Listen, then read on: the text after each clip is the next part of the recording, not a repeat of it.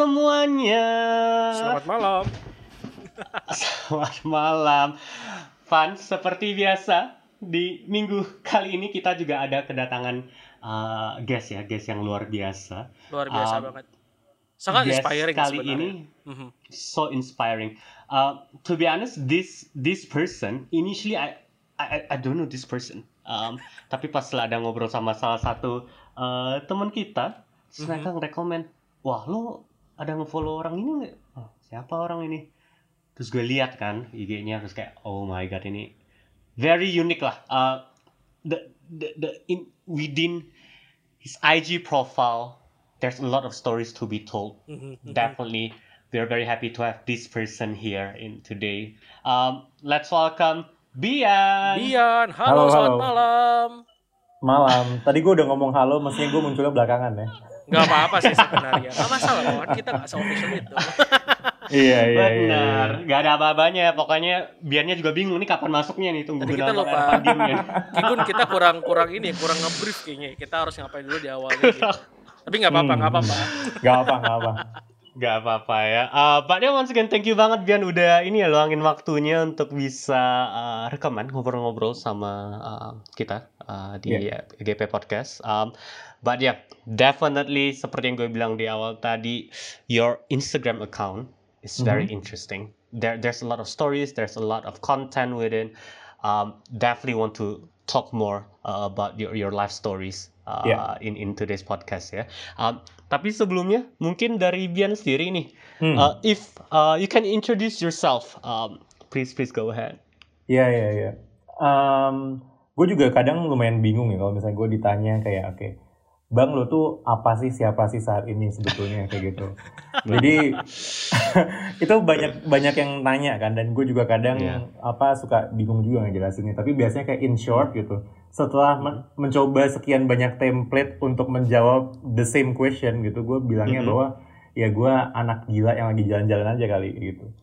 Cuma kayak gitu, sesimpel itu gitu. Nah biasanya dengan gue bilang kayak gitu, itu kan jadi kayak kalau di apa itu mungkin kalau di postingan itu kan kayak clickbait ya. Jadi biasanya nge- nge- nge-trigger buat siapa pun juga buat pengen tanya lebih lanjut kan kayak gitu. Wah gilanya gimana tuh gitu ya. Saat ini udah satu tahun uh, keliling Indonesia saat ini kayak gitu. Nah jadi kalau misalnya dibilang kayak oke lo pe- apa pegawai swasta, habis itu dan lain sebagainya, gue bilangnya iya dulunya pegawai swasta, tapi saat ini enggak, udah satu tahun gak gajian kayak gitu. Jadi lumayan bingung sih ngejelasinnya kayak gimana gitu. Tapi ya basically lagi keliling Indonesia saat ini udah satu tahun dan saat ini lagi menetap di Bandung Mhm. dan setelahnya akan lanjut jalan lagi sih gitu. Hopefully lanjut ke Jogja. Tapi basically sebenarnya udah mau selesai gitu. Soalnya Java is actually the uh, the end of this of this journey juga gitu. Jadi memang akan di sesuai plan memang akan diselesaikan di Jawa kayak gitu. Hmm, very interesting. Yep, th- that that is a good introduction. Um, kadang kan kita bingung ya kalau mau nanya ini ya. Can you Hmm. introduce yourself? Um, gue job title gue ini, gue kerja di sini. Ya ya ya. Uh, ya.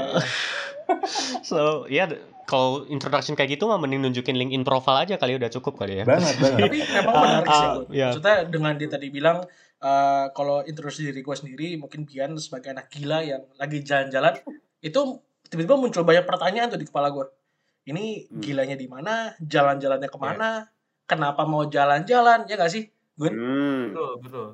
Soalnya memang Bener banget. Yep. even ya kayak gitu misalnya kita ngomongin kayak mas masalah uh, penjelasan begitu kan kita mesti Mhm. kalau misalnya kita mau mau ngomong sama yang apa uh, penduduk Indonesia gitu ya Aceh sampai Papua kita kan mesti menggunakan istilah-istilah juga yang dipahami oleh semuanya kan Mhm. kayak gitu Benar. dan banyak banget yang selama gue di jalan juga kayak istilah-istilah yang banyak di Jawa di kota-kota gede itu bahkan kayak belum banyak di sana. Contohnya kalau kita ngomongin masalah work life balance gitu. Mhm. di kota-kota kecil juga itu bingung itu work life balance apaan sih? gitu. Mental health gitu. Even kayak istilah itu mungkin kayak dialami tapi mungkin dia nggak tahu itu bahwa disebut sebagai mental health gitu. Jadi kalau gue sangat menggunakan yang sophisticated uh, penjelasannya itu pasti bikin bingung. Dan gila lagi jalan-jalan keliling Indonesia itu yang paling gampang saat ini buat dipahami. Understood. Nah, sebelum kita elaborate lebih jauh ya Biannya, ini ya kan biasa kalau orang bilang, oh gue gue mau keliling Indonesia, oh gue keliling luar negeri. ya Itu kan masih yang kayaknya, oh gue masih kerja full time nih, Hmm. tapi ada cu- cuti dua minggu, tiga minggu gue pakai untuk liburan. Iya. But in your case, lo itu udah setahun Hmm, betul. uh, keliling Indonesia Iya. dan you know without a, a full time job. Boleh share dikit gak back then what what were you doing? Apa yang ap, sehari-hari lo tuh sebelumnya apa? What do you do? And what happened? Kenapa akhirnya bisa uh, ambil keputusan yang gila ini gitu loh? Asik. Jadi tahun lalu itu gue juga sebetulnya memulai jalan itu di tanggal 20 Agustus tahun lalu. Jadi ini kan tanggal 24 Agustus, so I just pass one year gitu of my trip gitu Mhm. kan. Nah, Mhm. se- sebelumnya itu gue di salah satu company apa super app lah yang ada di di Hmm. Jakarta kayak gitu.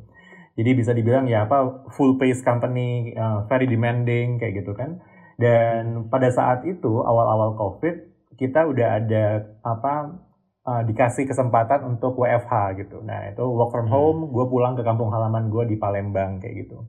Nah pas di Palembang itu adalah kepulangan gue yang paling lama. Soalnya biasanya gue juga cuma balik tuh kayak kalau ke Palembang paling pas puasa yaitu di mana cuma seminggu sampai dengan dua minggu kayak gitu kan. Nah itu adalah kepulangan gue yang paling lama. Jadi awal COVID di bulan 3 sampai dengan bulan 8 Agustus gue gua cabut. Itu gue balik di sana kan selama lima bulan ya kayak gitu.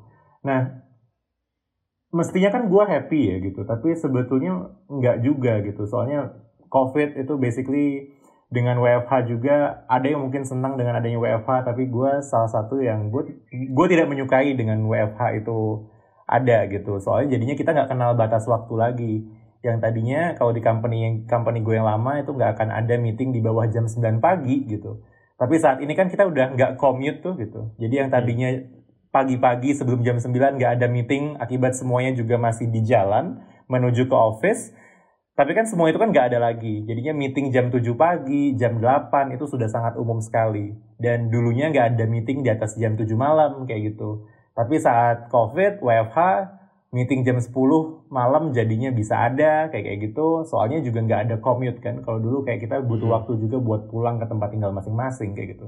Jadi nggak kenal waktu. Everybody uh, stays at home gitu. Jadi kita di expect juga buat balas lebih cepat akibat semuanya juga balasnya cepat kita disconnected gitu uh, because every, everybody re- reply to a message on the weekend gitu and we are kind of like push also to to reply the message also on the weekend kayak gitu kan Hmm.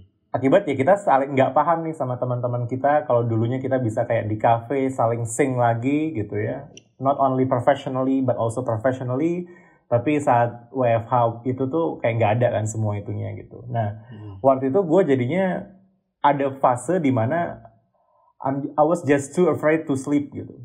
So when I close my Oh. laptop gitu at 9 p.m. itu gue biasanya memutuskan buat begadang sampai jam 2 pagi kayak gitu. Oh, Why? dang. Pad- padahal badan gue capek gitu ya. Tapi gue Yeah. memutuskan buat gue stay sampai malam jam 2 pagi. Why? Because that was the only free time that I have gitu. Jadi gue mau Hmm. nonton Netflix, mau gue baca buku, semuanya bisa gue lakukan ya di jam 9 ke atas sampai dengan jam 2 pagi misalnya kayak gitu. Jadi kayak gitu banyak kontemplasi dan gue jadinya kayak realize on one thing gitu. Bahwa pada saat gue selama lima bulan itu pandemi WFH kayaknya gue cuma punya dua goals dalam hidup gue.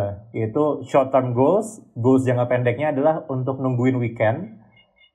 Long term goals gue goals jangka panjang adalah nungguin gajian gitu. Jadi nungguin weekend nungguin gajian. Bulan depan ulang lagi nungguin weekend nungguin gajian gitu. Jadi kok kayak nggak kayak kejebak dalam looping itu gitu. And I, I kinda hate myself back then gitu last year gitu. Jadi aku Hmm. memutuskan buat why it needs to be changed. Then I then I say to my boss that I wanna quit gitu. But he was ki- kind enough gitu to give me a sabbatical leave for three months gitu. Jadi awalnya aku cuma expect aku akan jalan keliling Indonesia cuma selama tiga bulan tapi nggak taunya jadi ketagihan dan jadinya sampai satu tahun kayak gitu Wow, ini Uh, what I find interesting ya kan usually kan people kayak oke uh, gue stres kerja nih hmm tapi gak apa-apa lah gue ambil cuti dulu atau Yeah. mungkin gue cari cara untuk mungkin kurangin workloadnya and those kind of stuff. In your case ketika lo bisa ambil keputusan untuk udah gue gue resign aja gitu. ya Like what what was the thought behind that? Apakah memang sudah ada plan sebelumnya? Uh, what you're going to do next? Like what makes you able to make that yeah. very um ya yeah, risky decision ya hitungannya. Hmm. Iya yeah, iya. Yeah. Unpopular yeah. decision. That was that that's actually true.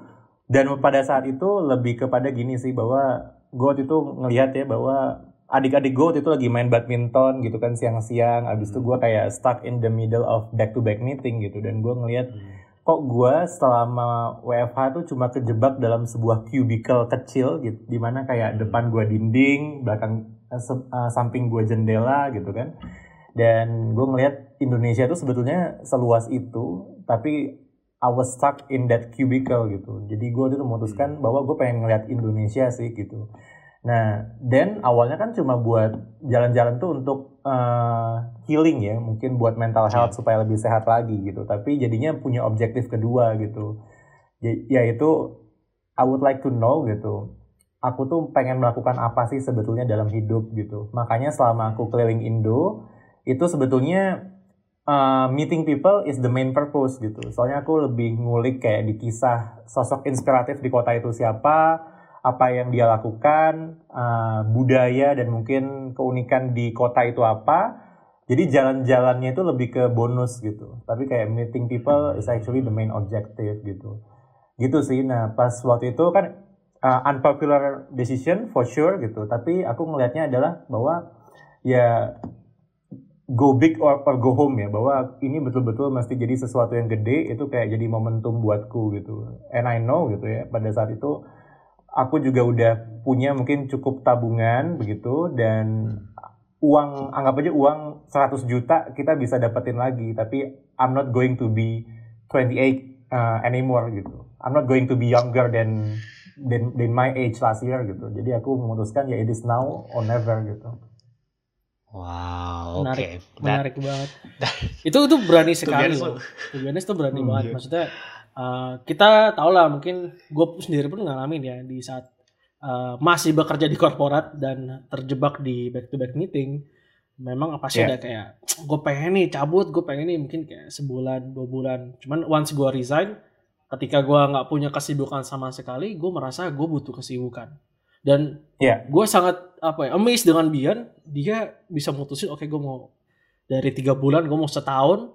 Dan berani banget gitu keputusan lu untuk benar-benar meng, apa ya istilahnya um, yang tadinya apa ya kita bicara soal kayak normal lah semua orang harus bekerja pada umurnya lo kayak di iya. umur umur kita ini kan umur produktif kan bukan yang kayak betul bukan yang kayak orang-orang US mungkin uh, mereka yang bisa ke travel road trip yeah. dan dan kayak gitu kan bahkan bisa tiap hari bisa tidur di camper van di Indonesia kan nggak kayak hmm. gitu sebenarnya budayanya Kayak kita harus betul, kerja, betul. harus mungkin udah umur 30 udah harus merit. Jadi sangat yeah. berani buat Bian untuk ngambil decision itu. Gue kagum banget sih. thank you, thank you, thank yang, you. Yang gue rasa amazing juga ini ya, kadang orang kayak oke. Okay, gak kok lagi gue mau resign. Gitu. Hmm. Tapi what to do after that itu yang menurut gue juga justru satu hal tantangan besar ya karena again people don't like to be unproductive people want to find meaning in their life mm-hmm. but to be able to find of what you wanna do next to be honest from myself bahkan kayak gue ada cuti yang berapa hari ini 20 hari belum gue pakai hmm, itu nggak yeah. gue ambil ambil karena gue nggak tahu mau gue apa oke gue ambil cuti panjang tapi gue mau ngapain gitu loh um, yeah. kalau dari Bian sendiri ketika Bian akhirnya decide oke okay, gue mau keliling uh, Indonesia mau meet people have you already had these thoughts sebelum ini ya sebelum ambil keputusan resign itu atau bahkan di awal-awal zaman kuliah atau sebelumnya sudah hmm. ada keinginan ini gitu. Iya iya. Jadi pada saat itu tuh gue lebih ke kayak gini sih. Uh, if if if we are going to do gitu ya whatever the the routine that we have gitu and we and we just keep on doing it gitu then we can expect for the result to be pretty much the same gitu. But if we do something that is like totally different gitu, then there will be a bigger chance then the result will be different gitu. Mm-hmm. Jadi pada saat itu aku menganggap kayak emang ini masih jadi sesuatu yang beda banget dengan yang biasa aku dapetin, aku lakukan sebelumnya gitu. Soalnya aku betul-betul pengen bahwa ini jadi lompatan ya gitu. Outputnya betul-betul beda kayak gitu. Dan tapi juga sama sih bahwa aku tuh pada saat zaman-zaman kuliah itu ya mungkin zaman-zaman juga awal-awal aku masih apa kerja sebagai staff gitu-gitu ya itu kan hmm. waktu luangnya lebih banyak gitu. But hmm. but I, I felt happy back then gitu. Soalnya aku I have enough money untuk punya sewa kos-kosan gitu. I have enough money to eat I have enough money to apa to hang out with friends gitu. And I and I also have the time during weekend di mana aku bisa jalan-jalan kayak gitu. Outside of the city with my hmm. with my friends gitu kan. Dan I think ya gitu ya Bian yang dulu Bian yang pada saat dia dulu kuliah gitu kan dia aku dulu sebenarnya lumayan kayak aktif di kegiatan sosial dan lain sebagainya gitu. Dan aku waktu itu menganggap bahwa tahun lalu ya Bian yang dulu ngelihat Bian yang saat ini itu pasti dia kecewa banget gitu. Sehingga kayak itu jadi kayak slapping moment bahwa I didn't I didn't I didn't expect at all gitu. Uh, seeing myself in the age of 28 itu aku I kinda hate the things that I that I do for for living gitu. Jadi bagiku udah banyak banget slapping moment yang yang hasil-hasil kontemplasi tadi gitu and I just want to do something that is like totally different gitu. Itu sih. Oh, wow. And who would have guessed ya, bak um, justru the inisiatornya adalah pandemi ini gitu. Yeah. Bahkan hal-hal yang kayak justru gara-gara pandemi ini orang jadi kayak takut atau jadi kayak oh ya I, I, we can't really go out, can't really go anywhere. Yeah. Justru ini adalah hal yang ini ya uh, that makes you yeah. do the things that you you always been want to do gitu. Very totally interesting. Mm -hmm. Nah, let's dip into uh, the the journey journey itself ya petualangan yeah. keliling Indonesia-nya ini. How how did you plan this? Kayak uh, do you, um apa kalau awalnya mikir oh mau dari Palembang memutar Sumatera dulu? Um, what what was the plan back then? Yeah. So the plan was actually to um, jadi tahun lalu ya itu aku kan melihat juga situasi pandemi ya. Jadi yeah.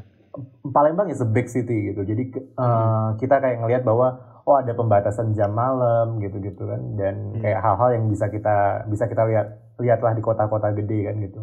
Hmm. Nah, dan aku membayangkan bahwa oh iya fleksibilitasnya akan kayak gimana nanti ya begitu aku pindah satu kota ke kota lainnya kayak gitu kan dan aku tahu bahwa aku mesti melakukan ini secepatnya akibat there is no guarantee juga gitu bahwa pandemik dalam satu tahun dua tahun bisa selesai kan gitu. So it, so it needs to be now pada tahun lalu gitu. Nah dan waktu itu aku udah di Palembang uh, situasinya dan aku membayangkan bahwa aku mesti jalan dulu ke atas gitu. Dan aku tapi di awal kali aku sudah tahu bahwa endingnya itu akan di Jawa gitu I will explain the, the reason later gitu ya. Tapi mhm. basically yang kuambil adalah di Palembang aku ke atas uh, Sumatera gitu kan sampai Sabang gitu.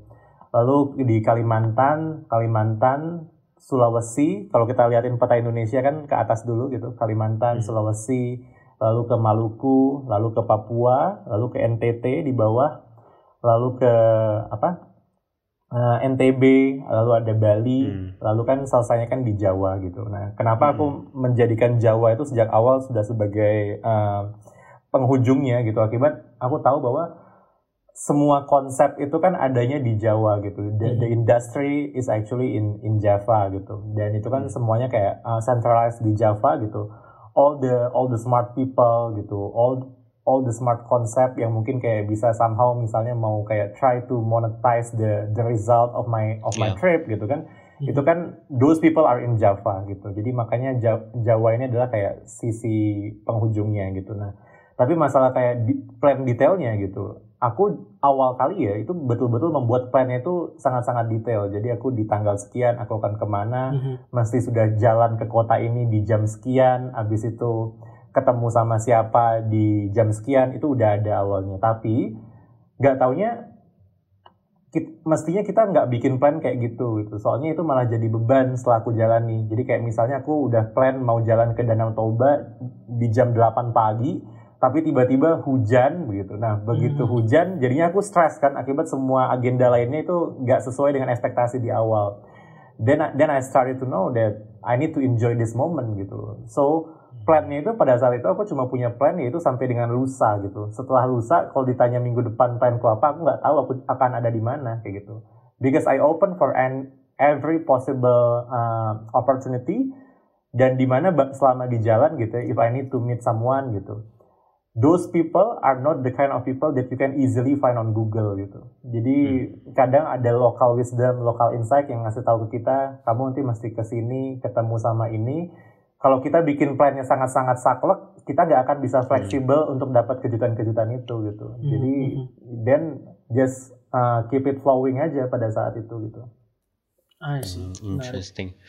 Uh, ketika tadi Bian ini ya mention cara apa uh, destinasinya itu literally muter ya hitungannya muter iya. Indonesia yeah. bukan muter ke kota A kota B kota C tapi beneran dari Sumatera lo muter ke atas yeah. Kalimantan Sulawesi Papua ke Jawa interesting mm-hmm. bener so far udah berapa kota atau hitungannya ini Provinsi berapa kali. ya yeah, how, how do you count this hmm. yeah itu kalau mungkin kalau kota kota dan desa ya biasa yeah. itu nyebutnya adalah aku sih udah 60-an lebih sih gitu. Mm-hmm. I think it I think in, one of my post uh, itu di di feedku ada sebuah postingan yang aku kayak ngelis down uh, kotanya tapi ya yeah, I think it, it's more than 60 already, already gitu. Wow. Dan ini perjalanannya sendiri Bian atau ada yeah. temen yang ikut? Oh. Aku doang gitu. Hmm. Interesting. Iya, gue nah, penasaran sih hmm. sebenarnya. Hmm. Tadi kan lo bilang bahwa lo udah plan, uh, misalkan dalam perjalanan ini hari kesekian jam berapa akan bertemu dengan siapa. Di apakah yeah. uh, dari sebelumnya memang lo udah punya relasi atau koneksi teman-teman yang berada di beda-beda kota ini, atau memang lo kayak misalkan lagi ngopi di warteg ketemu orang terus ngobrol-ngobrol terus dia kayak kasih tahu harus ke mana gitu. Iya. Yeah so so there there are two things actually gitu. Jadi biasanya tuh jadi kalau gue bisa ketemu sama pencetus feature IG story ya mungkin gue pengen hmm. sungkem sama dia gitu. Soalnya itu udah menjembatani gue banget dengan banyak kenalan dan dengan banyak kesempatan gitu. Maksudnya kayak gimana? Uh, awalnya gitu talking about IG gitu uh, talking about Instagram aku tuh kan menggunakan IG Story itu sebenarnya awalnya tuh hanya untuk pencatatan gitu. Jadi hmm. aku ketemu pas salah satu kota awalku juga itu ada di Gayo di Aceh Tengah gitu. Itu kan dia well known dengan kopinya gitu. Di mana 80% hmm. kopi Starbucks itu dulu sempat disuplai dengan kopi Gayo kan gitu. Nah aku datang ke Gayo motivasinya adalah aku pengen tahu soal kopi gitu. Hmm. Nah di sana aku dikasih tahu sama ada namanya Bang Sadikin Gembel Bang Sadikin Gembel ini ada di film Filosofi Kopi yang tentang Gayo. Nah, aku tahunya hmm. adalah lewat Filosofi Kopi yang tentang Gayo ini filmnya. Hmm. Itu aku uh, tahu sosok Bang Sadikin Gembel itu dan aku temuin dia memanfaatkan kisah dia yang aku ketahui lewat film itu gitu. Nah, Bang Gembel ini dia bilang bahwa ini sesuatu yang bikin aku mencatat semuanya gitu ya. Bahwa Indonesia tuh lemah kalau kita mau mengklaim apa pun juga. Akibat kita tuh lemah dalam melakukan dokumentasi gitu. Gimana kita mau bilang kopi kita yang paling enak di dunia kalau misalnya kita nggak bisa ng ngasih tahu bahwa penemuan-penemuannya tuh di tanggal sekian, jam sekian dan lain sebagainya misalnya mm -hmm. kayak mhm. gitu. Nah, mm -hmm. sejak saat itu itu jadi kayak masuk banget sih di kepalaku bahwa aku mesti mencatatkan segala hal yang aku temuin di jalan gitu. Tadinya this trip is all about myself. Aku nggak nggak kebayang kayak mau share ke siapa pun lewat sosial media juga gitu. Hmm. Nah, dan aku awalnya mencoba menuliskan lewat buku, tapi di buku itu kayaknya cuma tulisan doang, nggak ada visualnya, kayaknya ngebosenin, nggak bisa hmm, yeah. bantu aku buat visual visualisasi lagi begitu aku mau pengen baca. Then I know kalau IG story is actually the easiest way for me to ini to do the documentation of my trip gitu hmm, because okay. I can I can upload foto, I can upload video, there is caption there gitu. Aku bisa ngetek siapa, aku bisa masukin lokasi, ada tanggal, ada jam. Habis itu bahkan aku bisa ngeliat lagi kalau misalnya aku mau tahu di tanggal sekian aku tuh ngebahas apa ya. Aku bisa buka archive di IG yeah. kan kayak gitu. Yeah. Jadi buat pencatatan itu sebenarnya bagus banget gitu. Nah, tapi lama kelamaan IG Story itu mengundang teman-teman untuk jadinya mengikuti kisahku selama di jalan kan gitu. Dan hmm. uh, IG started to be like lean in for me gitu. Soalnya oh. men menjembatani dengan ini dengan apa kesempatan di mana aku bisa bilang ya itu tuh kayak hidup kita tuh tanpa menjelaskan lagi, tanpa butuh untuk menjelaskan apa pun gitu. That's my life after I started to write on IG story gitu. Maksudnya kayak gimana? Hidup tanpa menjelaskan itu. kayak misalnya pas aku lagi di Bali gitu ada temanku yang tiba-tiba bilang ke aku Dian uh, ibu lagi masak makanan khas Bali ini udah susah untuk ditemuin di kota di, di kota gitu kamu bisa datang ke tempatku ibu lagi masak nanti kamu makan ya gitu nah dalam hatiku ya kan aku nggak bilang aku pengen nyoba-nyobain makanan lokal gitu Abis itu tiba-tiba temanku bilang gitu, Hey Bi, gue pengen, gue mau ketemu sama teman gue besok. Dia tuh kisahnya gini, gini, gini, dan gini. Kayaknya lo mesti ketemu sama dia deh gitu. Dalam hatiku ya, kan aku nggak bilang aku punya minat untuk ketemu manusia-manusia yang kayak gini gitu. Jadi itu betul-betul di mana teman-teman yang tahu minatku apa akibat ngeliatin IG ku, teman-teman yang tahu Bian tuh lagi di kota ini saat ini gitu. Dia jadinya kayak punya tendensi untuk dia pengen bantu dengan mungkin ngenalin temennya dia juga yang di kota itu atau kalau dia asli sana mungkin dia yang menjamuku soalnya kan aku juga hitchhiking selama di jalan kayak gitu mhm, mhm. atau mungkin dia juga yang ngasih tauku untuk kayak ketemu ketemu siapa siapa di situ ya sesimpel akibat kalau kamu punya teman yang inspiring dan teman kamu yang kamu tahu lagi jalan keliling Indonesia suka ngulik yang gitu-gitu kamu hmm. kan pengen buat kenalin kan kayak gitu. Jadi ya aku lebih yeah. banyak dibantu gitu lewat IG gitu. Awalnya aku lebih banyak nge-DM-in satu-satu, abis itu aku pengen ketemu gitu. Tapi lama kelamaan jadinya aku malah kayak tinggal uh, datang dan tiba-tiba scheduleku penuh dengan teman-temanku ngasih tahu aku mesti ke mana dan ketemu siapa gitu. Interesting. Jadinya ini ya kalau bahasa teknologinya user generated. User generated. benar iya, ya, dasar ya. emang omongan iya omongan budak korporat nih kayak gini nih. Betul betul betul, betul, betul. wah udah lama nih gue uh, kayak gini gini nah uh, dari ini ya kayak tadi sempat ngebahas ini soal uh, kopi di Aceh ini hmm. pasti people when when they see your stories right they will ask like wah biar dari sekian banyak perjalanan ini hmm. what what are the uh, a few of the memorable atau the funny or the the the, the interesting stories that that you found yeah. when people ask you this lo akan cerita dari ini ya dari sekian banyak kejadian dan dari ingatan lo yang sangat memorable hmm. itu ya what what will you tell people which one and why oke okay jadi gue dengan keliling tuh I started to see Indonesia in the way that apa ya you just cannot find it on Google gitu ya. Bahwa ada hal-hal yang kayak misalnya contoh gitu. Kalau kita ada kata Ambon gitu ya kalau di Jawa mungkin langsung kebayangnya John K gitu. Habis itu penagih penagih oh, wow. utang kayak gitu kan gitu tapi okay. begitu aku datang ke sana gitu itu ngelihatnya bahwa yang lebih menonjol itu bukan di sisi yang kayak galaknya abis itu apanya tapi lebih ke bahwa Ambon is actually the city of music gitu yang sudah hmm. dikas di hmm. dikasih kayak apa pengakuan oleh UNESCO gitu di mana semua live music di Ambon itu sangat-sangat bagus gitu dan banyak juga kayak kenapa dibilang city of music akibat dia itu banyak apa musisi asal Ambon yang ngetop kan di Indonesia kayak gitu mm-hmm. dan itu malah jadi kayak lebih ke sesuatu yang lebih aku ingat gitu bukan yang pas aku datang aku takut akan kayak nanti ini aku dijahatin mm-hmm. atau gimana aku malah bahkan gak dijahatin sama sekali kayak gitu mm-hmm. nah itu jadi jadi ada pengalaman-pengalaman di mana yang mengubah stigma itu itu yang bagiku sangat-sangat ngasih kesan yang baik sih buatku gitu. Mm-hmm. Kayak gitu salah satu contohnya gitu. Uh, when I first came to Ambon gitu. Dan yang kedua ada juga kayak misalnya aku kan hitchhiking, kadang aku juga dikasih tumpangan untuk uh, transport, ada juga buat tinggal gitu kan. Nah, kan kadang kita bingung ya gitu bahwa aku itu datang ke sana anggap aja kan sebagai beban gitu numpang tinggal gitu. Nah, walaupun nggak mm-hmm. lama juga gitu, tapi kadang kan kita tuh kalau dikasih bantuan pengennya kan mungkin kayak give back with something hmm. kayak misalnya ngasih uang atau bagaimana gitu tapi I know bahwa selama aku di jalan gitu aku kan pengen jalan selama mungkin jadi kalau istilah startupnya juga kan kalau duitku segini ya kalau aku mau runway-nya panjang gitu kan yeah. Mhm. aku mesti hidupnya kayak seekonomis mungkin gitu Nah, jadi hmm. akunya juga nggak bisa kayak misalnya dikit-dikit ngasih minta bantuan dan ngiming-ngimingin dengan uang gitu. Jadinya aku mulai paham kayak to hold myself bahwa kalau kamu mau tahu manusia tuh ikhlas untuk bantu kamu atau enggak,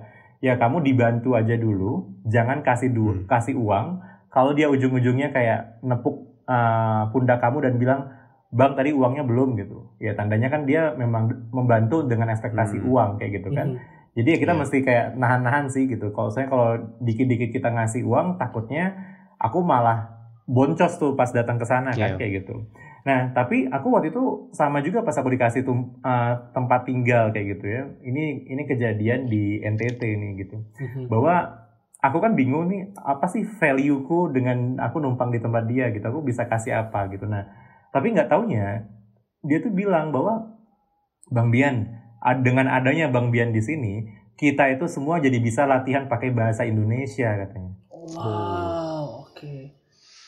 Jadi kayak kita datang bawa badan kita nyangka kita nggak ada value apa-apa buat yang di sana tapi nggak taunya itu bisa jadi kesempatan buat dia latihan pakai bahasa Indonesia gitu di sana kan biasa pakai bahasa lokal kayak gitu ya. Mm-hmm. Jadi exposure dengan bahasa Indonesia nggak banyak. Aku datang itu dia bisa ngomong bahasa Indonesia gitu. Jadi bisa dibayangkan begitu ya, betapa aku kayak wah mewek banget gitu dikasih tahu uh, alasannya kayak gitu gitu. Jadi itu ada banyak sih tapi lebih ke kalau misalnya the most memorable banyak mungkin teman-teman yang nyangka kayak oh that place must must be having a, the most beautiful sunset atau apa gitu yeah. ya. Iya. Tapi lama-lama kalau udah satu tahun tuh kita juga udah bosen sih ngeliat sunset, ngeliat pantai, yeah. ngeliat gunung, sungai gitu-gitu. Tapi meeting people is always unique gitu. Soalnya kisahnya bisa beda banget satu kota dan kota lainnya kayak gitu. Iya itu. To be honest, when I first asked the question, I was expecting you mungkin kayak oh nih di, di kota ini di desa ini tuh viewnya yeah. bagus banget. Oh ini makanannya enak banget nih. Turis yeah, banget yeah, gue. Baru yeah. sama ya. Iya iya. yeah, yeah, and and pas denger Bian how how you tell the story, so it's like, oh wow, so jadi ketika lo udah keliling Indonesia, sebenarnya bukan ini ya hal-hal se, oke okay, gue nggak bisa bilang itu ini ya nggak usah bilang terlalu kurang kut duniawi ya, tapi hmm, hmm. Um, jadinya lebih ke life lesson atau bahkan dari human interaction itu sendiri yang uh, yeah. paling memorable ya buat Bian ya. Um, ada nggak sih dari sekian banyak orang Bian ketemu ya kayak yang so far yang paling inspiring buat Bian?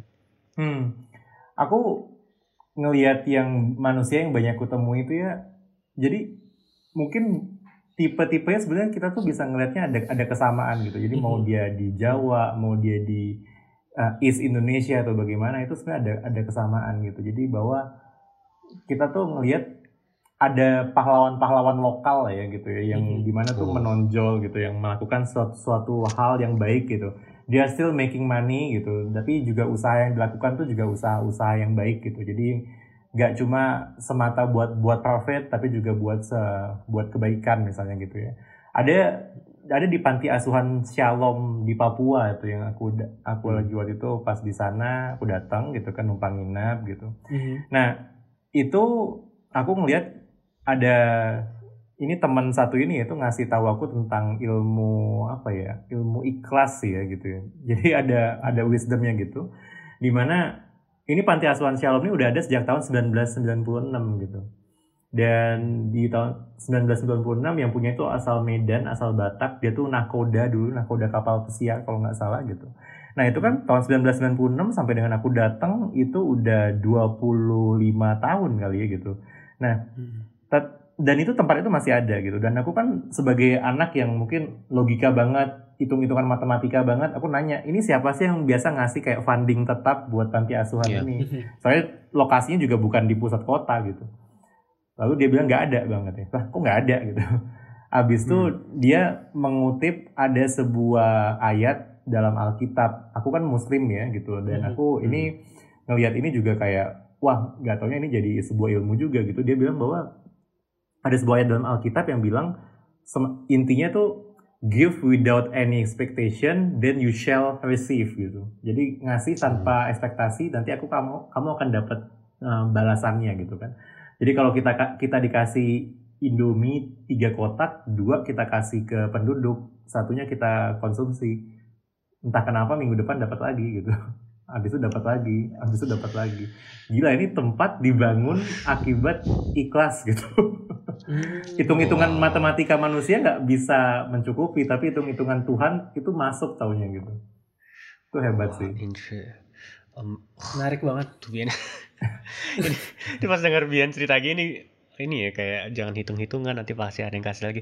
Ini selalu hal yang emak gue uh, pesan ke gue. I don't know yeah, for, yeah, for what yeah. reason. Mm-hmm. Dia ngomong aja setiap kali nelpon tiap minggu tuh ngomong udah jadi orang tabah ya, jangan perhitungan. Emang gue pernah perhitungan gitu. Yeah. Tapi of course sebagai manusia yang tinggal di ini ya kota yang memang maksudnya kota dan orang-orang juga ini ya sama-sama mencari nafkah di sini kan pasti mikirnya gimana caranya lebih hemat kalau ada dikit-dikit mm -hmm. bisa ada hmm. sumber penghasilan why not jadi uang itu termasuk uh, motivasi hidup yeah. utama gitu kan betul um, dan so far ya, meskipun ma gue bilang gitu yang gue bilang ya gue kan gak ada melakukan kegiatan apa ya kenapa lo sampai ngepesan ini tapi di luar itu kan pasti pikiran gue juga ya mana mungkin sih uh, lo do something um, apa ya jangan hitung hitungan nanti akan secara otomatis akan ada lah ketemu orang baik yang akan memberikan uh, hal lebih. Kayak yeah. logically it doesn't make sense for me gitu. Betul. Ini mah mungkin uh, biasa ya omongan nasihat orang tua yang cukup um, ini ya cukup naif gitu ya betul betul betul betul. Dan, ternyata dan, kejadian ya di wah, ini ya kejadian, ini ya. kejadian. Jadi bahkan habis itu dia bilang juga bahkan dengan mungkin dengan datangnya uh, Mas Bian ke sini itu bisa jadi apa uh, sebuah ini sebuah sebuah berkah juga buat kita katanya. Dan dan waktu itu pas gue dikasih tahu kayak gitu gue juga cuma senyum senyum soalnya sebelum gue ke sana gue emang udah bikin kayak uh, open donation gitu. Oh. jadi ke hmm. teman-teman di IG gitu gue mau ke panti asuhan ini siapa sih yang pengen mungkin nitipin uang kayak gitu ya.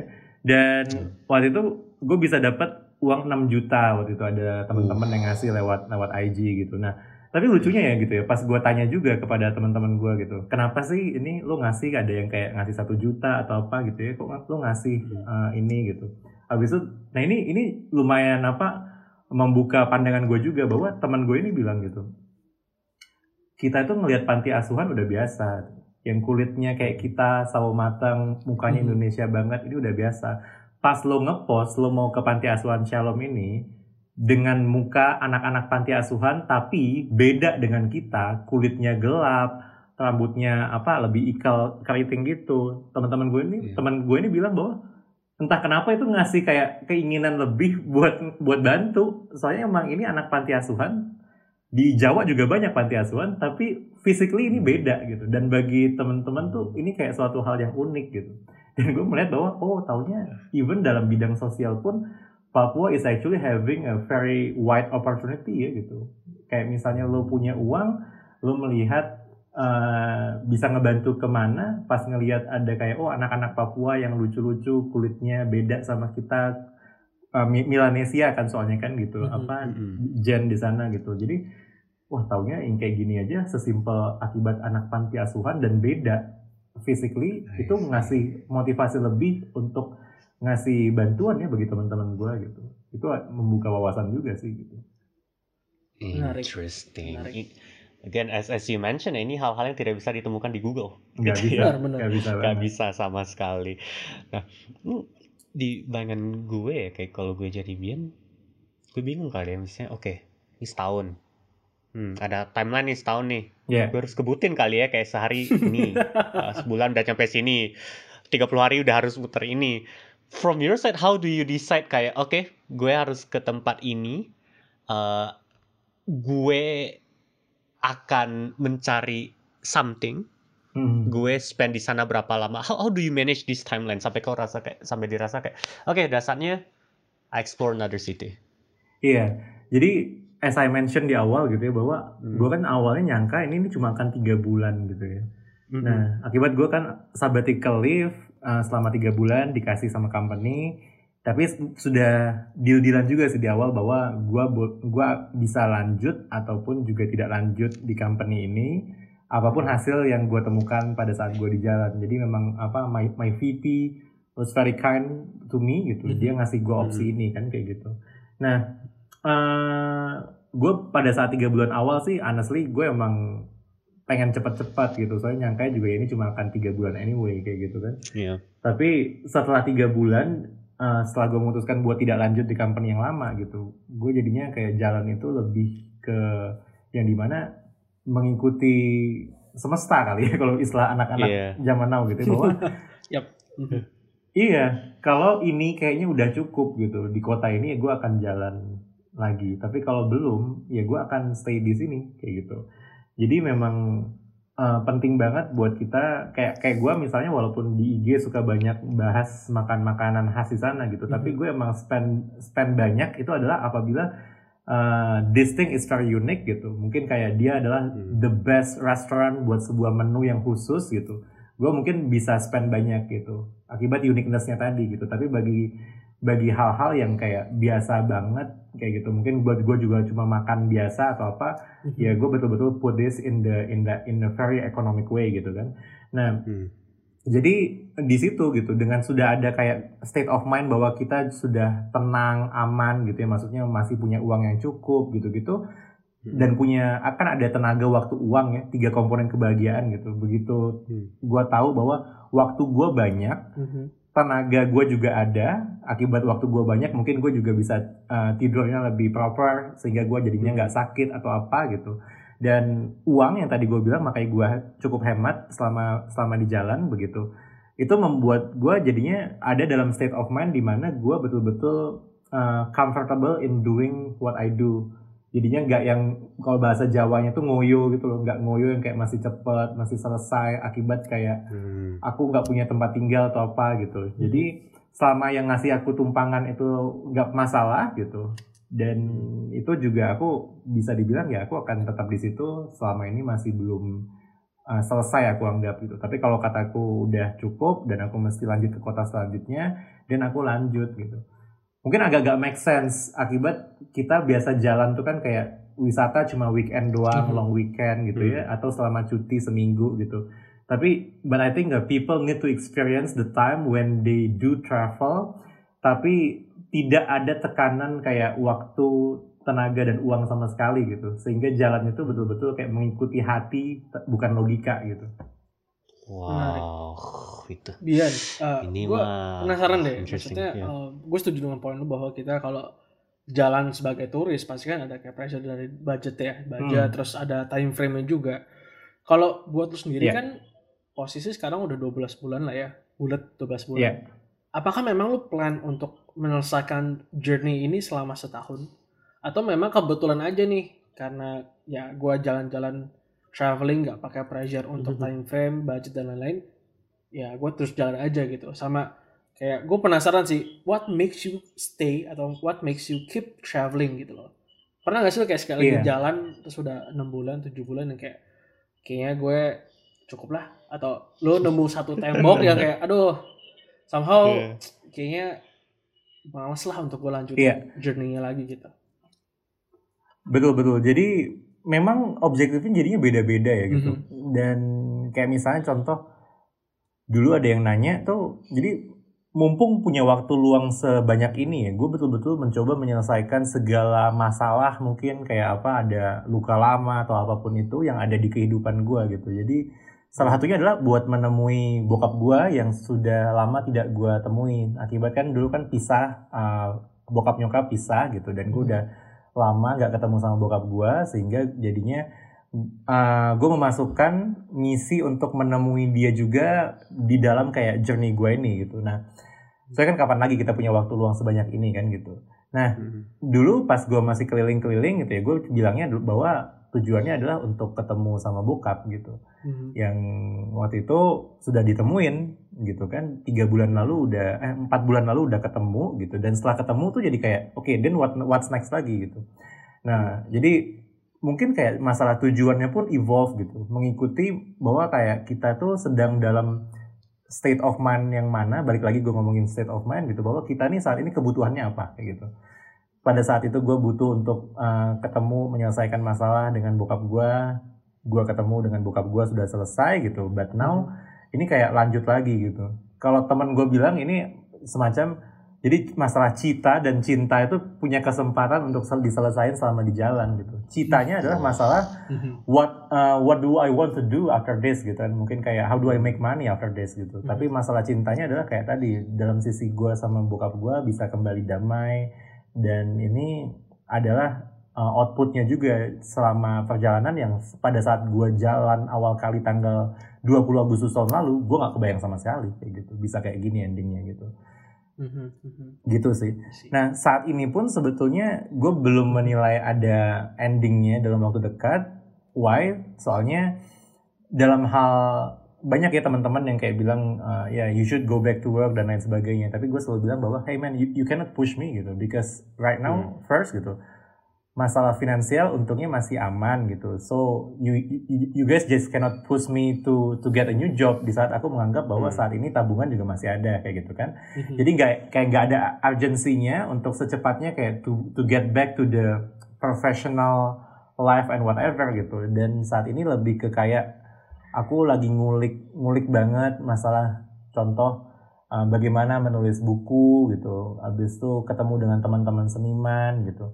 Ketemu sama teman-teman yang bisa dibilang punya apa uh, expertise dalam kemampuan misalnya kayak self healing uh, mental health gitu. Dan jadinya aku kayak lebih ke ngulik hal-hal itu buat saat ini gitu. Dan kalau misalnya ditanya hal apa sih yang sebetulnya saat ini kamu sangat nikmati untuk kamu jalani gitu. Mm -hmm. Di di journey saat ini juga aku jadinya menemukan semacam passion juga definisi definisi passion buatku juga gitu. Di mana aku jadi tahu ya bahwa passion tuh mungkin segampang bahwa hal itu buat bisa bikin lupa kamu untuk lupa makan dan kamu tidak kehilangan akibat hal itu gitu. Jadi menulis gitu ya, menulis IG gitu. Kalau ada yang nanya, kadang aku bilang aja ya saya penulis gitu, padahal penulis IG gitu. Sama kayak tadi kan modus supaya bisa ketemu tuh kayak gimana gitu kan. Nah jadi yeah. aku melihat bahwa oh kalau dikaitkan dengan definisi passion yang tadi aku sebutkan gitu, menulis itu itu adalah sesuatu yang betul-betul bisa bikin aku lupa makan gitu. Mhm. Dan aku tidak kehilangan akibat hal itu gitu. Kalau dulu di company aku bisa lupa makan akibat aku uh, overwork gitu tapi malamnya aku nyesel gitu kayak ngapain sih tadi lo segininya banget gitu. Tapi saat ini gitu menulis hal-hal yang biasa aku tulis itu itu bisa bikin aku lupa makan dan aku tidak kehilangan akibat hal itu gitu. So what what kind of jobs that I will choose later mungkin menulis adalah salah satu opsi kayak gitu. Gitu sih. Hmm, interesting.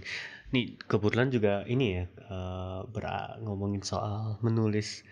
To be honest when I first look at your Instagram Bian ini gue yeah. bingung ya karena kontennya itu very apa ya sangat bervariasi. Bervariasi dalam arti kalau dibilang awalnya kan uh, temen gue ini cerita ke gue oh Bian ini keliling Indonesia gitu. Ya ekspektasi gue kan oh banyak foto-foto soal di Indonesia kegiatan-kegiatan. Ya of course di sini ada kan.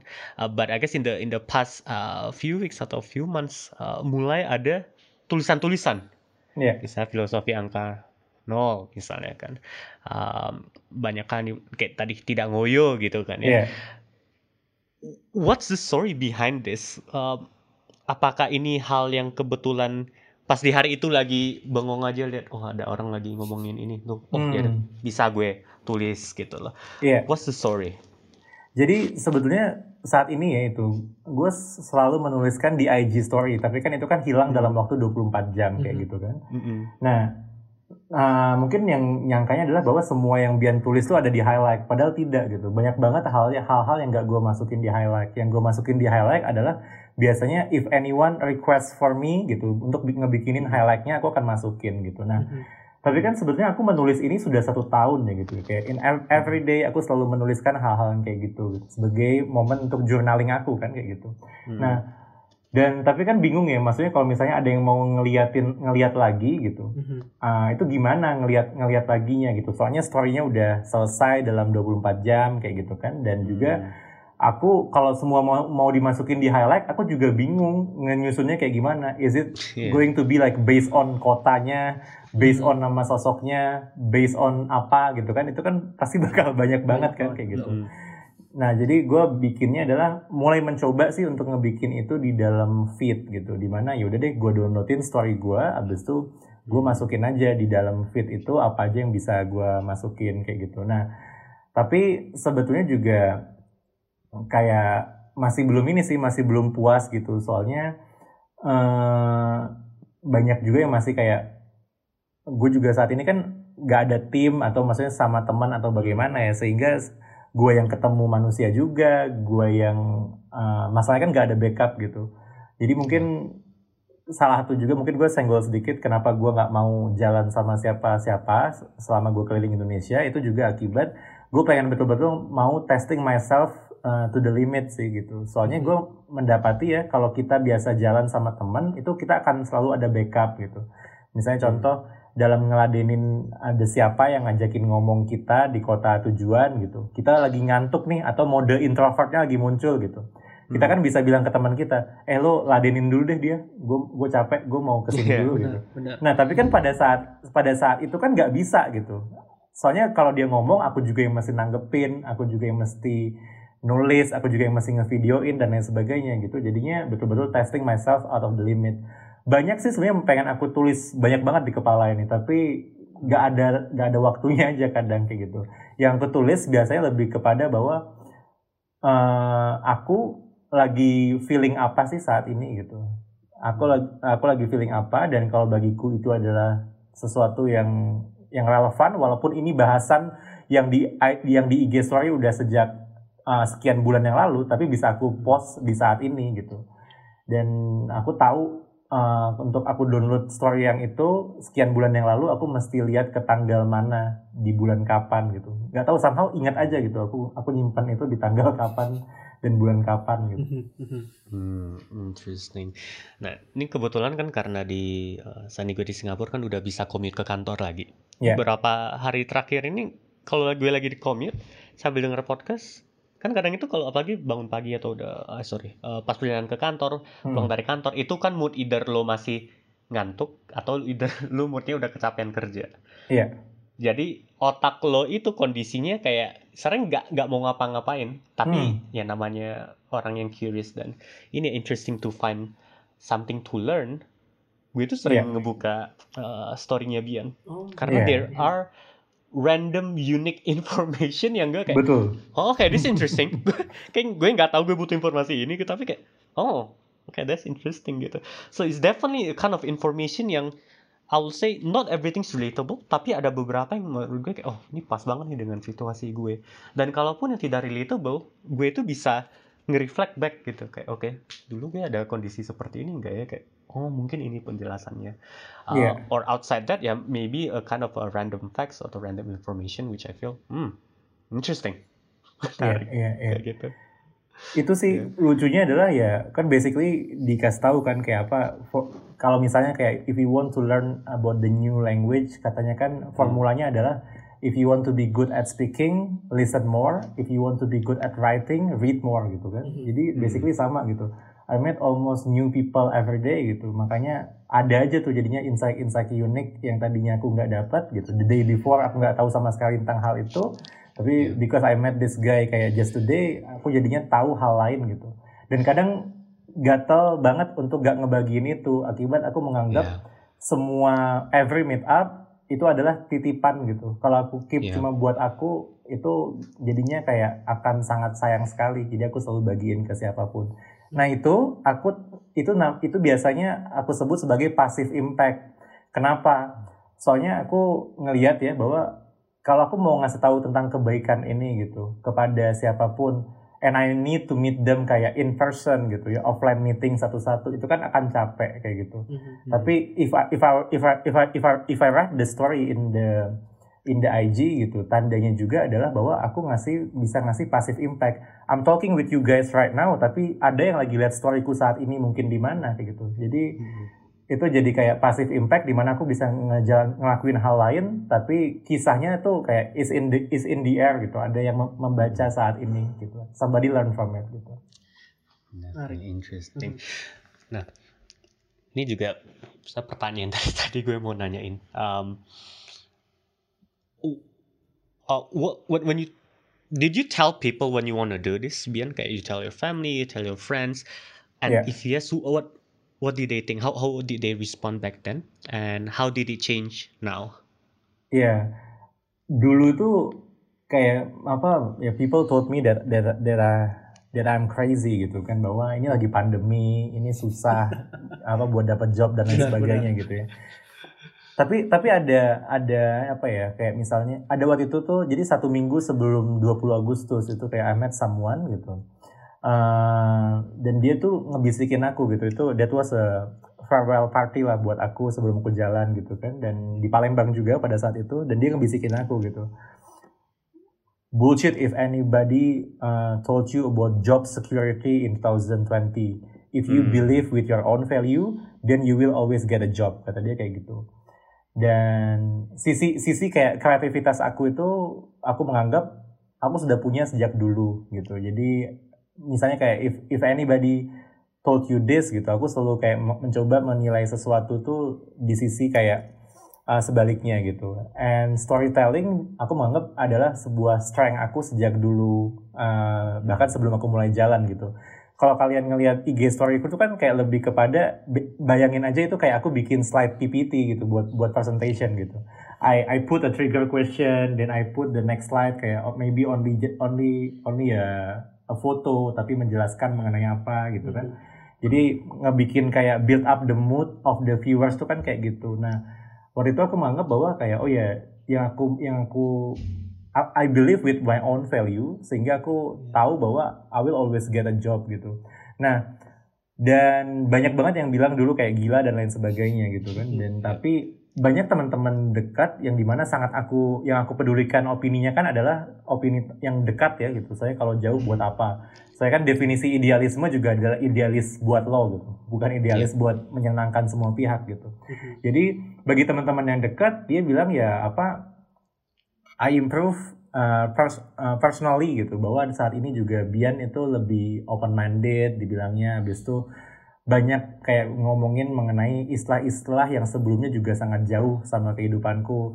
Aku juga tadinya kayak nganggap apaan sih itu meditasi mental health self healing itu kayak bullshit gitu kan. Tapi saat ini ngelihat hal-hal kayak gitu jadinya oh ada loh bukti nyata manusia-manusia yang memang kayak saat ini hidupnya sudah dibangunkan dalam tanda kutip di usia muda sehingga entah kenapa kok hidupnya jauh lebih bahagia dan definisi kebahagiaannya juga kadang jadinya beda dengan template kebahagiaan zaman saat ini gitu. Mm-hmm. Kayak banyak gelombang gelombang anak muda yang saat ini pengen tinggal di desa soalnya dan ada kayak uh, jargon yang kayak ngomong lokal is the new global gitu-gitu. Jadi kayak entah kenapa tuh aku ngeliat ada movement yang kuat di situ gitu dan ini ada kayak aku sangat untung banget and thank God gitu aku dibangunkan di usia 28 tahun pada tahun lalu gitu buat aku hmm. melakukan ini saat ini kayak gitu.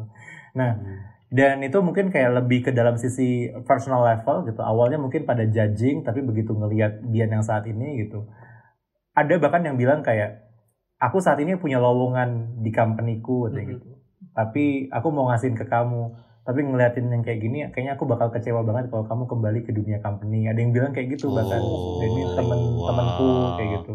Mm -mm, soalnya ya they said that uh, lo kalau balik lagi katanya itu kayak how can how can you ini kayak apa how can you you say to yourself that you don't want to wake up at the age of 40 doing something that you like kalau sebetulnya the reason why you left this industry juga adalah akibat hal itu katanya gitu aku jadinya membayangkan juga bahwa oh nggak taunya banyak yang lebih percaya tentang valueku even kayak uh, more than me gitu. Jadi yang kayak kayak gini teman-teman jadinya yang tadinya menolak uh, bilang gila jadinya mendukung hmm. sih itu yang bikin sangat-sangat menyenangkan gitu. Iya uh, ini Benar, selama benar. rekaman ini ya gue siap dengeran dengerin insight Dian tuh gue jadi kontemplasi hidup gue sendiri lagi.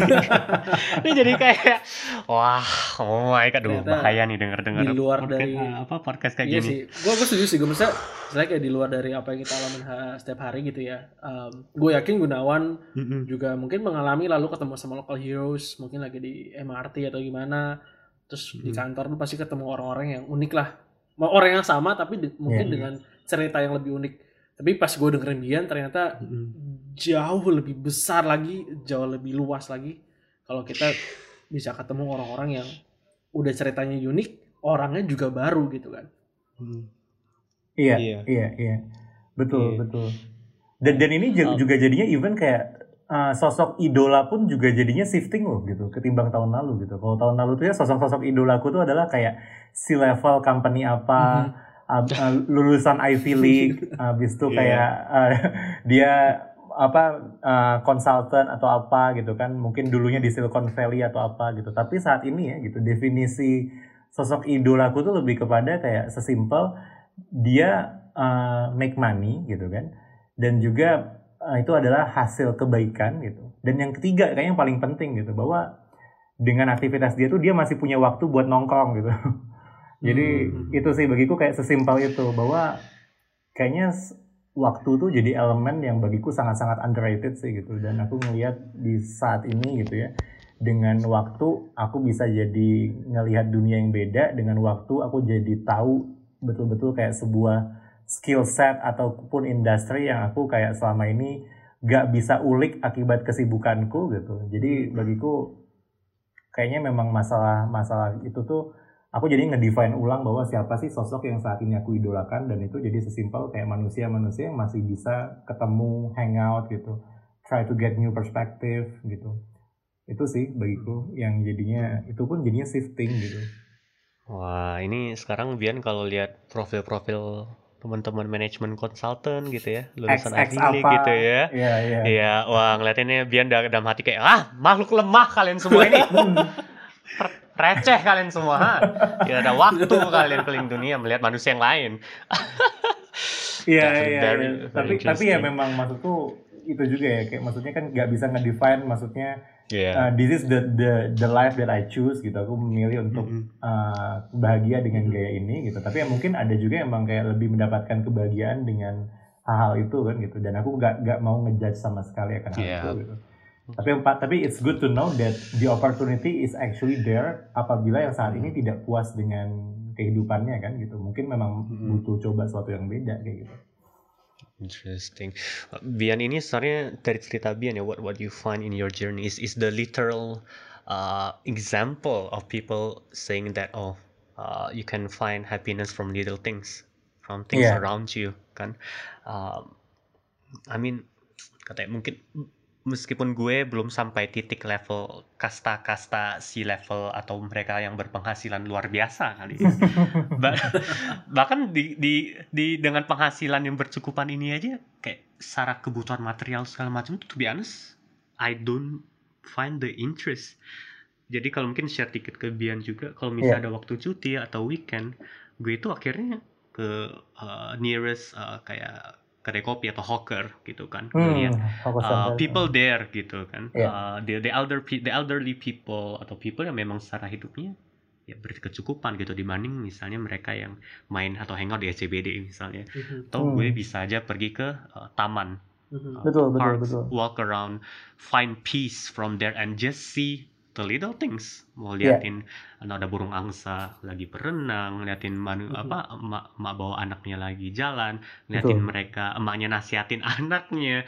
hmm. anaknya lagi bermain ria those little things which I find is like oh okay Iya, yeah, yeah. This this is the little stuff that I find Betul. interesting gitu. Dan, dan bagiku juga mungkin ini ya kayak judgementku aku menganggap saat ini tuh cukup adil. Kenapa? Soalnya selama aku di jalan juga banyak yang bilang kayak ada kalau misalnya ketemu sama teman-teman yang mungkin anti kemapanan atau apa ya yang kayak bilang kayak fuck kapitalisme dan lain sebagainya gitu dan mm-hmm. itu aku menganggap bahwa kayak man you, you uh, lo bisa bilang kayak gitu ya apa uh, apa sialan kapitalisme dan lain sebagainya mm-hmm. habis itu kayak budak-budak company atau apa gitu ya dia dia kayak yang mengutuk hal-hal kayak gitu gitu kan tapi aku kadang aku tanya gitu kamu sempet gak gitu uh, actually work in a company. Belum kayak gitu. Tapi yang dia ngeliat adalah hal-hal yang kayak gitu. Nah aku menganggap uh, aku aku udah hidup di du, dua dunia itu gitu. Jadi sudah hidup di dunia kayak yang sangat-sangat uh, fast pace uh, industry startup gitu kan. Mm-hmm. yang valuasinya apa kayak gimana gitu. Dan mm-hmm. bukan di posisi yang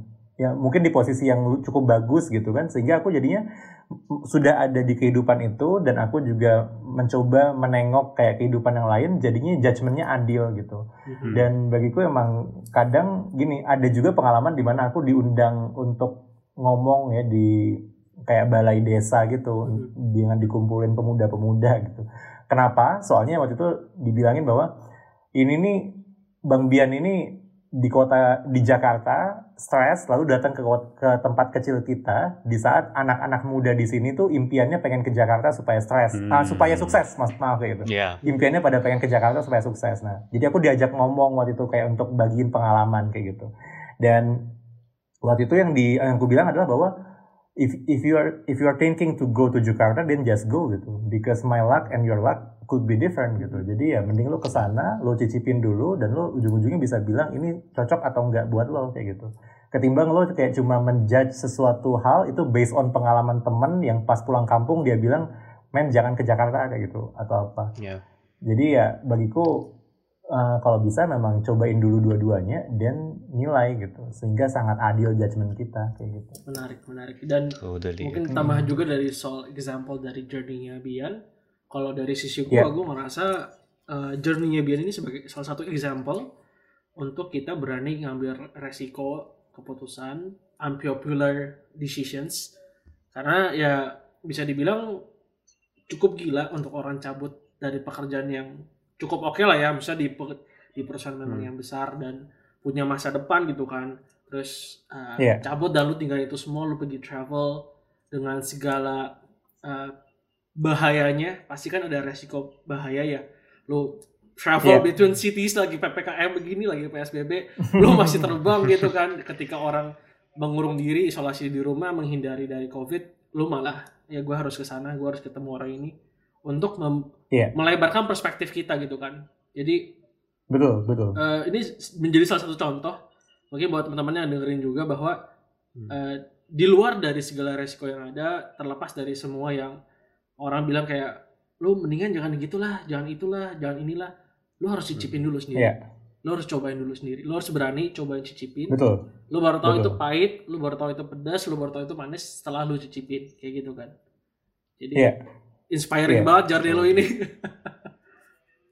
Iya iya iya iya. Thank you thank you thank you. Nah, um, tadi mungkin Bian sempat bahas juga, tapi like what what's next now, Bian? Do you have an end goal at the moment? Iya iya. Um, aku pengen kayak apa? Tadi sedikit sedikit tambahin nih buat yang tadi mm. uh, apa masalah yang tadi ya tentang mm -hmm. apa take, taking risk gitu kan?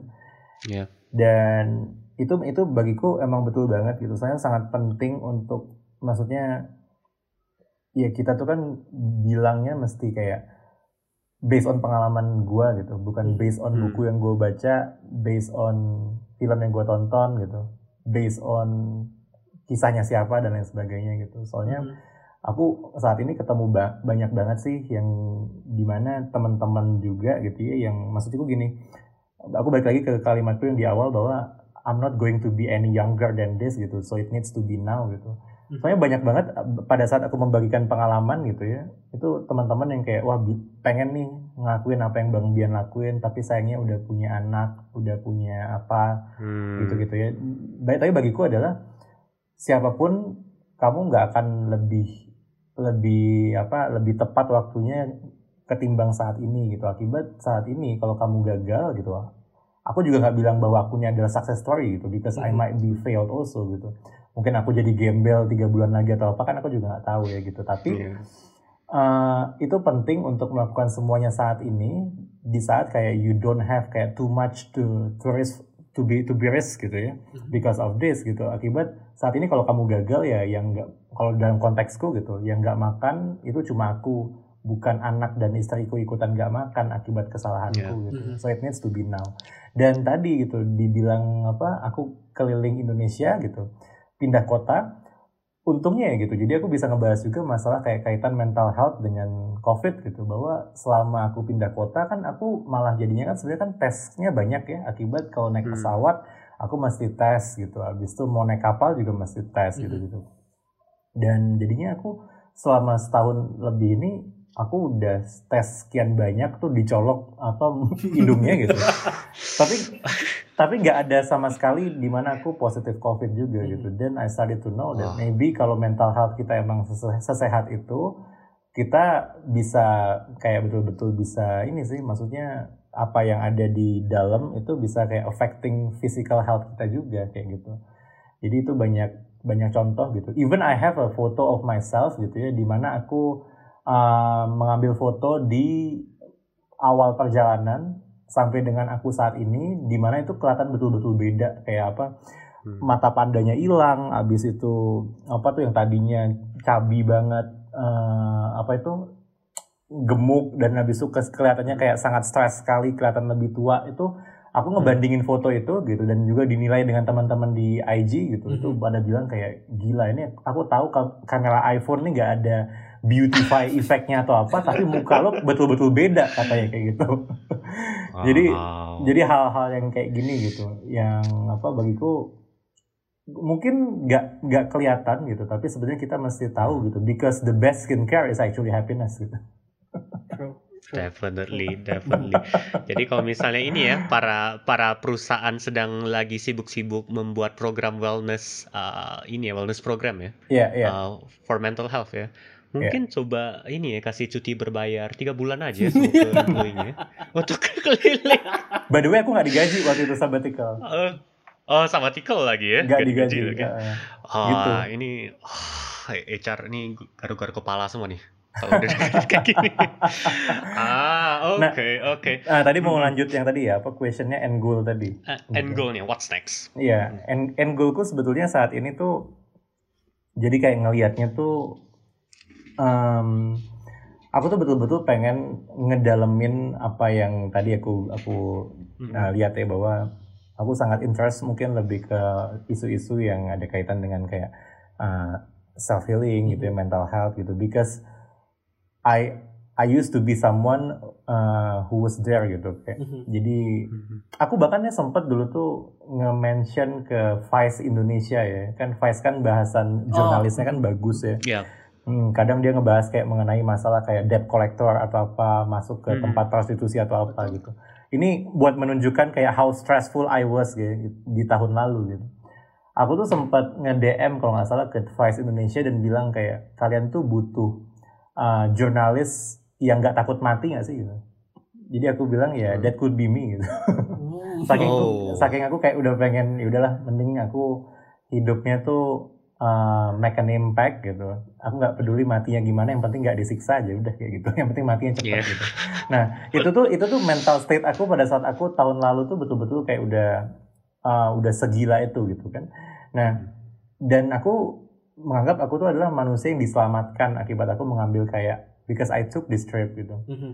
Di, uh, soalnya juga aku tahun lalu tuh sampai kena penyakit namanya diverticulitis itu tuh di mana ada pouch atau ada semacam uh, luka gitu ya di uh, di usus besar kayak gitu. Nah okay. ini juga buat ngasih ngasih tahu bahwa kayak gimana sih penyakitnya tahun lalu tuh tahun lalu tuh betul-betul sampai di mana aku udah masih dipotong satu per tiga usus besarnya gitu. Di mana uh, itu akan mengakibatkan aku punya banyak impact yaitu satu aku akan jadinya mesti makan tuh pilih-pilih gitu dan yang kedua juga aku akan jadi gampang pup gitu soalnya kan jadinya pendek kan si si ususnya uh. gitu nah aku waktu itu menganggap bahwa kalau aku dipotong usus besarnya dan aku mesti makan itu nggak boleh makan daging yang kayak gini semua makanan kesukaanku mending aku mati aja pada saat itu gitu nah. Hmm tapi tapi aku nggak nggak jadi mengambil kayak uh, dead surgery gitu akibat salah satu mantan bosku juga bilang bahwa segala penyakit yang ada kaitan dengan digestive system sistem pencernaan itu biasanya akibat stres kayak gitu nah hmm. aku dulu untuk kayak uh, what kept me alive dan tidak sakit dulu tuh biasanya aku uh, consume painkiller tapi tidak dimasukkan lewat mulut tapi lewat lewat pantat gitu saking ininya saking kayak oh. udah sakitnya banget gitu mm-hmm. and and believe me or not gitu saat ini aku jalan ya pindah lokasi lokasi dingin ke lokasi panas mm -hmm. gitu tinggalnya juga kadang pakai bantal kadang nggak pakai bantal gitu itu obat nggak pernah aku konsumsi lagi sama sekali gitu di saat dulu kayak diancam ini akan dipotong usus besar aku satu per tiga gitu dan saat ini aku udah nggak konsumsi obat itu sama sekali penyakit itu udah nggak kambuh sama sekali lagi gitu.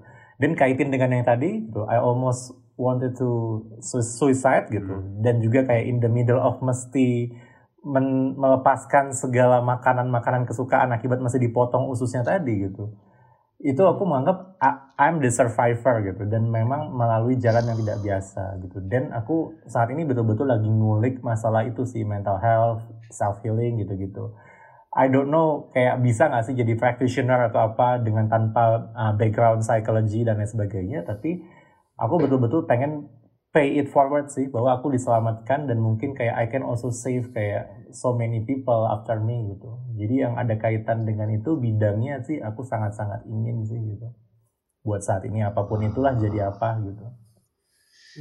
Definitely very very interesting to be honest ya kalau gue misalnya lagi ada bikin acara kantor gitu mengundang orang dibanding ngundang seorang psikolog yang mungkin cuma ini ya cuma tahu konten buku ya. Iya, iya, I think yeah, people yeah, yeah. people like you that have real life stories are I think people will find more inspiring uh, beyond to be honest from my perspective. Agree, agree. Thank you, thank you. Uh, but yeah, definitely. Um, yeah, I think gak kerasa kita udah ngobrol ngobrol sejaman aja uh, ngobrolin ginian ya. Uh, any any last things or any things you want to share with the audience, uh, Bian? Uh, I think I think we all need to do to do this trip ya this kind of trip mm-hmm. at least kayak once in a lifetime gitu soalnya bagiku mm-hmm. juga ini ini adalah sebuah kunci juga tidak hanya buat kayak misalnya kesehatan mental gitu ya to get inspiration and everything tapi juga untuk how to be open minded sih gitu. Selama aku jalan banyak sekali ketemu manusia gitu. Dan banyak sekali yang yang ingin kayak dibilang open minded gitu. Tapi sebenarnya dia tidak open minded gitu. Jadi kan itu kan hmm. open minded bukan kayak semacam sebuah title yang kayak kita ditahbis uh, ditasbihkan sebagai kayak kamu open minded gitu. Enggak. Tapi kayak you yeah. need to earn it kan kayak gitu. Dan aku kayak menganggap bahwa Indonesia ini kan emang luas banget gitu. Dan Indonesia ini punya kesempatan yang sangat banyak gitu uh, tapi memang kita itu masih sangat judgmental gitu kayak misalnya yang di ujung sana masih sensian sama yang asal Jawa misalnya hmm. apa ya maybe gitu it is all because of the of the of the exposure yang di mana dia kayak dengan sosok yang asal Jawa itu hanya mungkin kayak mantan bos dia yang mencat dia sebenarnya kayak gitu kan jadi ya. nggak yeah. begitu uh, diverse dalam hal kita itu punya point of view soalnya uh, kita itu kan lebih kepada kayak kejebak dalam kotak-kotak box-box kita hmm. masing-masing hmm. gitu tapi Indonesia punya banyak banget potensi and I saw that with my own eyes gitu. Banyak banget di kita ya di Indonesia ini gitu yang percaya bahwa tahun 2045 gitu, 100 tahun Indonesia merdeka gitu. Itu Indonesia itu bisa jadi adidaya gitu. Soalnya banyak kayak banyak banget lah gitu yang apa yang maksudnya sangat percaya akan hal itu. Generasi muda yang saat ini gitu. Nah, dan itu bisa dipenuhi apabila kita ini kompak gitu. Nah, dulu kita bisa kompak ujung Aceh sampai ujung Papua akibat kita punya common enemy kita punya penjajah Belanda gitu sehingga kita kompak gitu kan sama aja kayak kita kalau lagi di cafe ngomongin bos gitu meja ujung ke meja ujung yeah. bisa jadi kompak bisa relate, gitu bisa akibat yeah. kita iya. punya common enemy gitu kan gitu nah hmm. Indonesia saat ini tuh punya masalah utama yaitu kita adalah kita itu dinyamankan gitu dinyamankan dengan kalau dulu kita itu bisa ngapa-ngapain itu takut gitu akibat diintai sama Belanda kali ini kita bisa kayak kongko-kongko di kafe uh, dan kita bisa ngegosipin siapa omongan-omongan gak penting gitu akibat kita tuh hmm. punya isu yaitu dinyamankan tadi yang membuat kita itu jadinya lebih cuek satu sama lain gitu hmm. and I and I think gitu we all need kayak more people gitu to travel to make friends gitu dengan teman yang bukan kamu buat kayak kamu untuk nyobain buat jadi minority gitu. Kamu datang hmm. ke sebuah tempat dengan kayak with no privilege at all gitu. So you know their point of view gitu. Jadi traveling dalam hal ini and meeting people itu adalah sebuah kunci tidak hanya untuk uh, kesehatan mental dan lain sebagainya dan inspirasi tapi juga how to be open minded, bagaimana kita bisa lebih punya toleransi yang tinggi dengan dengan suku yang lain, agama yang lain gitu. So I hope that more people can also follow my follow uh, this kind of journey gitu yang mengikuti apa yang lagi aku lakukan because ya Indonesia itu emang nggak perfect tapi dia emang sangat layak buat diselamatkan buat diperjuangkan kalau kata Panji stand up comedian gitu. Wow. and I do believe with that gitu. Gitu sih. Jadi ya definitely. let's let's travel gitu. Let's let's let's break boundaries gitu. Because we all need kayak more people to to understand gitu not only things that media put put in your head gitu not only the things that you can easily find on Google gitu but to to really tell the story with your own eyes gitu. Wow, definitely very very interesting, incredible. Um, gitu sih. Ya, untuk teman-teman, uh, ini uh, I really recommend nanti kita masukin ini ya uh, akun IG-nya Bian uh, di postingan kita. Do give him a follow. Uh, follow his stories. You can look into his uh, IG feed. You can look into his IG stories. There are a lot of interesting content dan you know daripada ngeliatin konten ini ya uh, promo-promo dari e-commerce ya lambe turah ya Try, you, you'll definitely get a lot of life lessons dan ya you you I I yeah, will yeah. definitely completely agree or even being convinced that it will help change your perspective and even help you uh, make a, a better decision in your life for for uh, in the near future yeah thank you um, yes. Yeah, uh, I guess that's that's it uh, for us in this episode. Thank you banget Bian udah uh, ya jadi guest di sini, udah share your life stories. Definitely Thank very interesting. Thank you banget Bian. Very inspiring. Dan to be honest, mungkin salah satu mungkin pertama kalinya gue nih kita ngundang orang yang mungkin bukan dari circle kita yang bisa hmm. dibilang ya bener-bener uh, kebetulan Gunawan dikenalin juga untuk kita bisa ngundang Bian di sini mm. dan mm very thank you untuk juga kasih kesempatan ke kita dengan peralatan yang hmm. seadanya hmm. untuk kita bisa dokumen your story gitu dan bisa kita upload di podcast yeah. kita. Yeah. Thank you so much. Yeah. Definitely. Thank you mas. Yeah. Um, and then yeah, from our side also semoga Bian for your next journey, for your next dream uh, bisa kecapai juga ya uh, to become you know uh, a well-being specialist and really share your uh, you know experience to a lot more people in the near future. Uh, hopefully we can also mungkin ngundang yeah. Bian lagi untuk episode uh, kedepannya. Hopefully, I, I'm I definitely believe you have a lot more interesting stories that you're able to share to the audience too. Sure, yeah. Mas. Thank you ya. Uh, cool. Um, so yeah, I guess that's all for today. Thank you semuanya uh, yang sudah dengerin. We'll see you guys in the next episode. See ya. Dadah, bye bye. Bye bye.